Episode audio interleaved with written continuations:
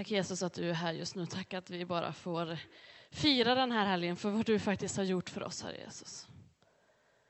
Herre, tack att även om vi inte kan förstå hur mycket du faktiskt gjorde för oss på korset, Herre Jesus, så låt oss bara få, få en del av det, Herre Jesus, få tag på att, att det var för oss, Herre Jesus. Herre, tack för att du är med hela den här gudstjänsten, Herre Jesus. Tack för att du just nu bara ska tala genom mig, Herre Jesus, så att det är dina ord som ska få höras, inte mina, Herre. Herre, tack för att du är en fantastisk Gud som älskar oss över allting annat, Herre Jesus. Herre, tack för att du är du. Amen.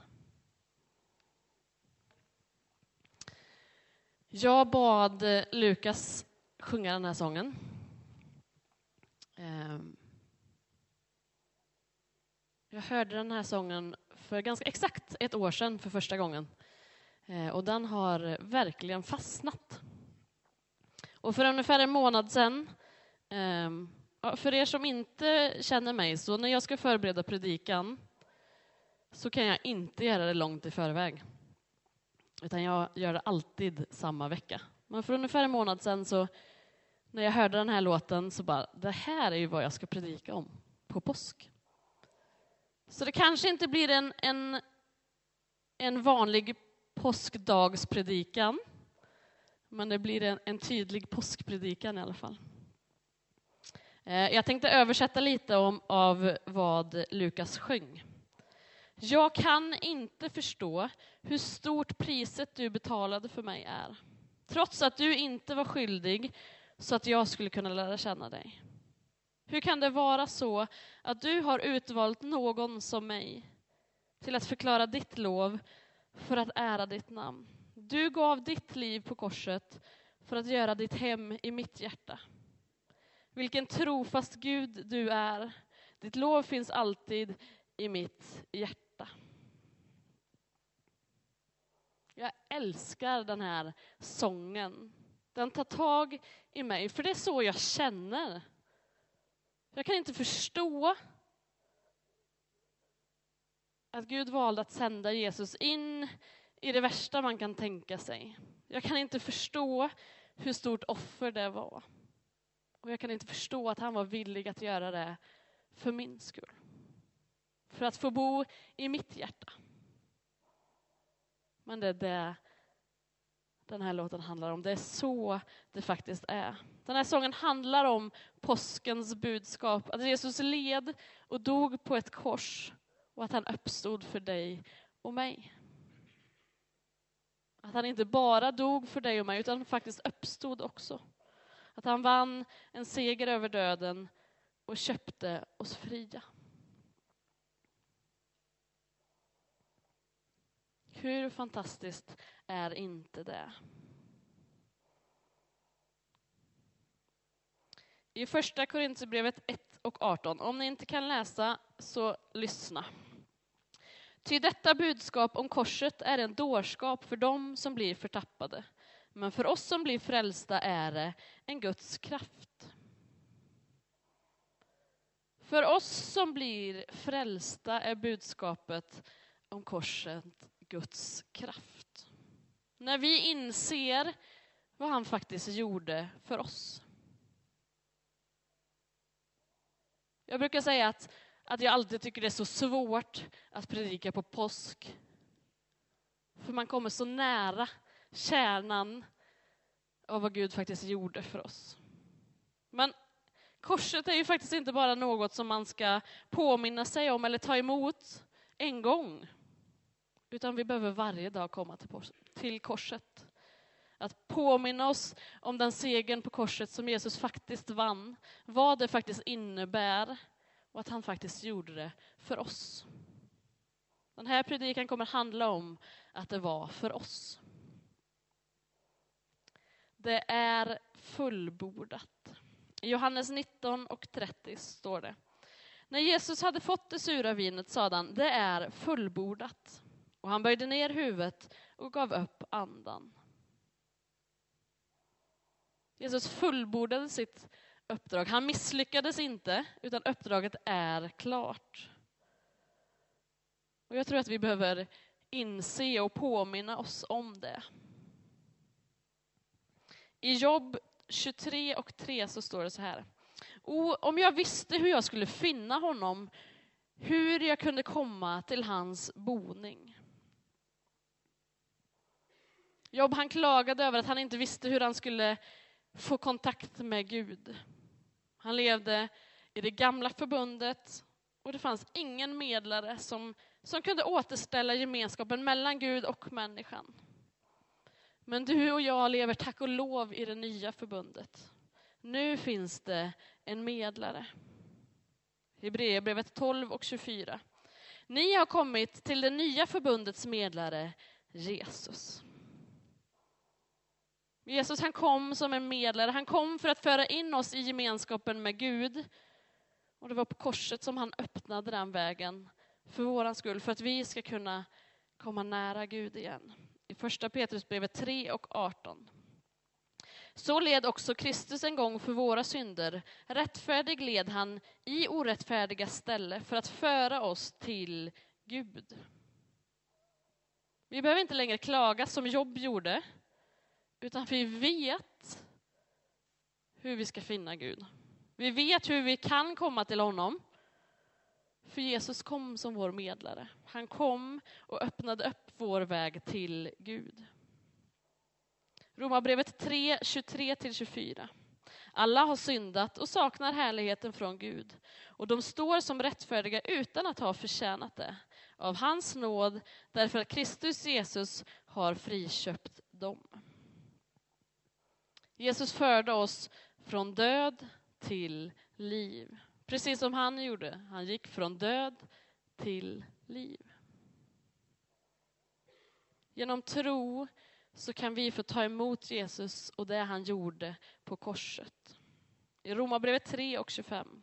Honom har Gud genom hans blod ställt fram som en nådastol och tas emot genom tron. Jesu blod, det han gjorde på korset och vår tro på att han gjorde det för oss ger oss försoning. Om inte Jesus hade offrat sitt blod på korset så hade vi alla varit förlorade och utan hopp om räddning.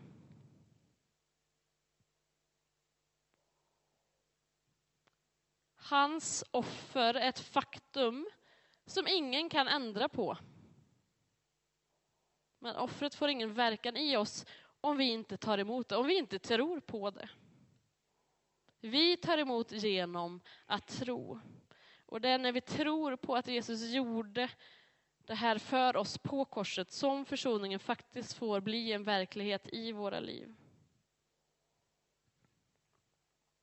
Hebreerbrevet 9 och 22. Utan att blod utgjuts, utgjuts ges ingen förlåtelse. Bibeln säger att, att Guds förlåtelse har med utgjutande av blod att göra.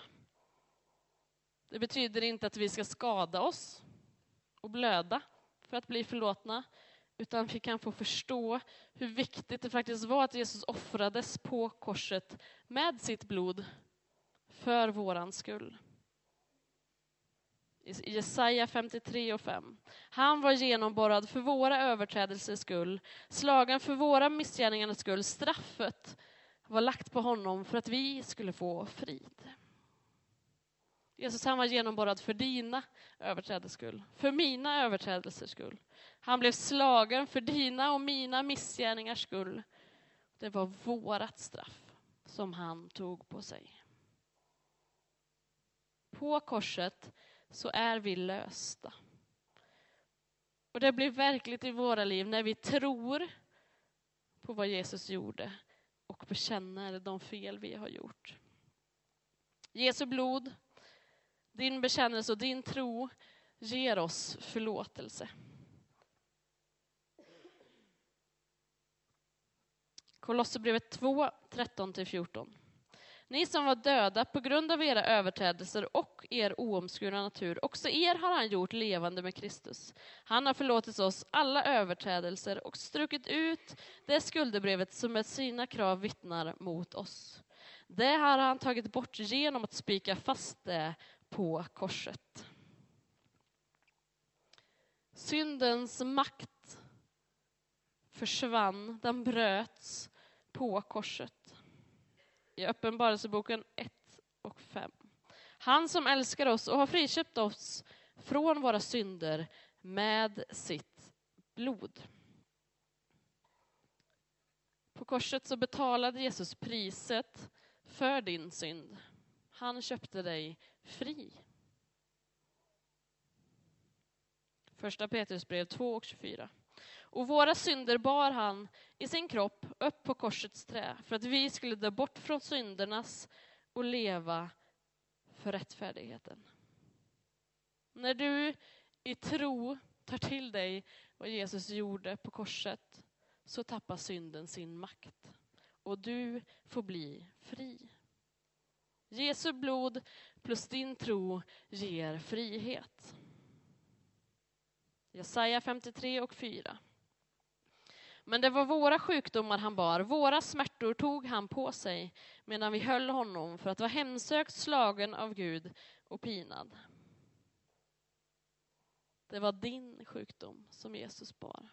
Den sjukdomen, vilken den än är, hur jobbig den än är, hur mycket du än kämpar med den, så har Jesus redan burit den. Påminn dig om det och förvänta dig att Guds kraft faktiskt kan bota dig. Första Petrusbrevet 2 och 24. Och genom hans sår så har ni blivit botade. Jesu blod plus din tro ger oss helande. Romarbrevet 5 och 9. När vi nu står som rättfärdiga genom hans blod. Vi har fått en, en rätt ställning inför Gud genom Jesu blod. I Hebreerbrevet 10 och 19 står det Bröder, i kraft av Jesu blod kan vi nu frimodigt gå in i det allra heligaste. Vi kan komma frimodigt inför Gud, inte på grund av att vi gör allt rätt, utan i kraft av Jesu blod. Jesu blod och din tro ger frimodighet. Hebreerbrevet 2 och 14. Eftersom nu barnen hade fått del av kött och blod fick han på liknande sätt del av kött och blod för att han genom sin död skulle ge, göra den maktlös som hade, död, som hade döden i sitt våld, det vill säga djävulen. Genom Jesu död på korset så blev djävulen maktlös. Djävulen förlorade sin rätt att råda över oss. Det innebär inte att han slutar attackera oss, men det innebär att vi kan få hänvisa till Jesu seger och stoppa honom. Uppenbarelseboken 12 och 11. De övervann honom genom Lammets blod och genom sitt vittnesbörds ord. Du är på vinnarens sida. Jag älskar att vinna. Och vem gör inte det? Djävulen hade ingen chans, utan Jesus vann. Han vann för att han älskar dig. Djävulen han vet att han har förlorat, men han gör allt i sin makt för att du inte ska förstå det. Men du har makt att säga, men hörru, jag står på vinnarens sida. Du har inget att sätta upp mot mig, för jag är friköpt i Jesu blod. Jesu blod plus din tro och dina ord ger fiendens nederlag. Idag så firar vi att Jesus uppstod. För det var det som satte spiken i kistan.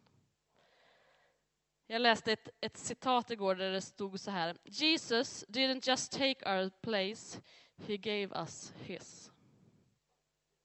Alltså han var inte bara någon som valde att ge sitt liv för dig, som en livvakt gör för den som har anställt honom.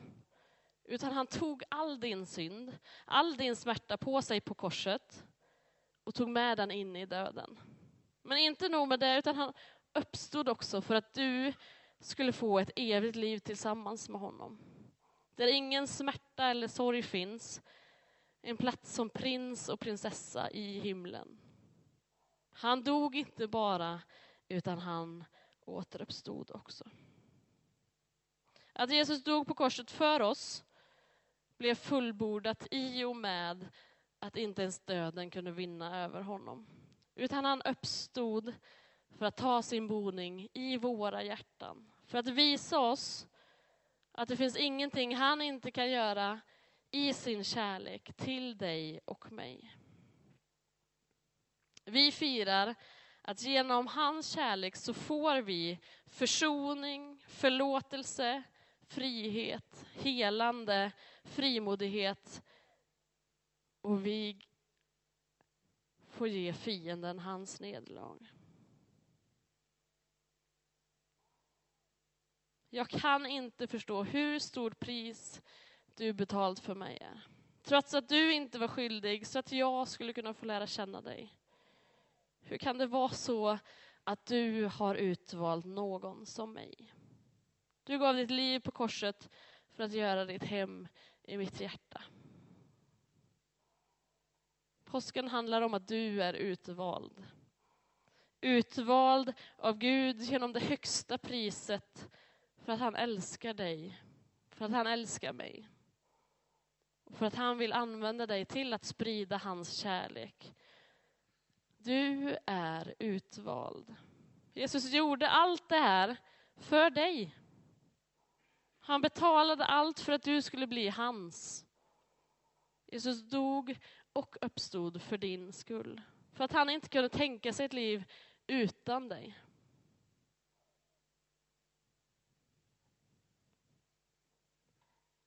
Markus 16 och 6. Var inte förskräckta. Ni söker Jesus från Nasaret, den korsfäste. Han har uppstått, han är inte här. Han är uppstånden och döden är besegrad.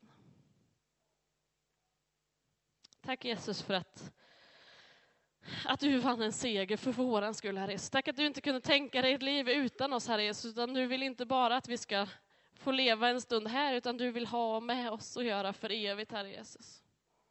Herre, tack att du inte bara tog vår plats, utan du gav oss också din plats i himlen, Herre Jesus. Herre, tack för att du inte bara dog, utan för att du faktiskt också uppstod för att vi ska få, få leva med dig för evigt, Herre Jesus. Herre, tack för allt du gjorde på korset, Herre Jesus. Och hjälp oss att förstå att det var för oss, Herre Jesus. Herre, hjälp oss förstå hur mycket du älskar oss, att du inte kunde gå med på att inte hänga med oss jämt, Herre Jesus. Herre, tack för korset och tack för uppståndelsen, Herre Jesus. Tack för att du älskar oss, Herre Jesus. Hjälp oss att se ännu mer att det faktiskt var för oss, Herre Jesus. Herre, hjälp oss att inte bara nu under påsk tänka på att, att du gjorde det här för vår skull på korset, utan låt oss i våra liv bara fokusera på att du älskar oss, Herre Jesus, och hur vi ska kunna medla dig på bästa sätt, Herre Jesus. Herre, hjälp oss att alltid komma till korset, Herre Jesus. Hjälp oss att se oss själva med dina ögon, Herre Jesus. Hjälp oss att se den kärlek du faktiskt har för oss, Herre Jesus. Och Herre, hjälp oss att, att älska människor runt omkring oss med din kärlek, Herre Jesus. Tack Jesus. Amen.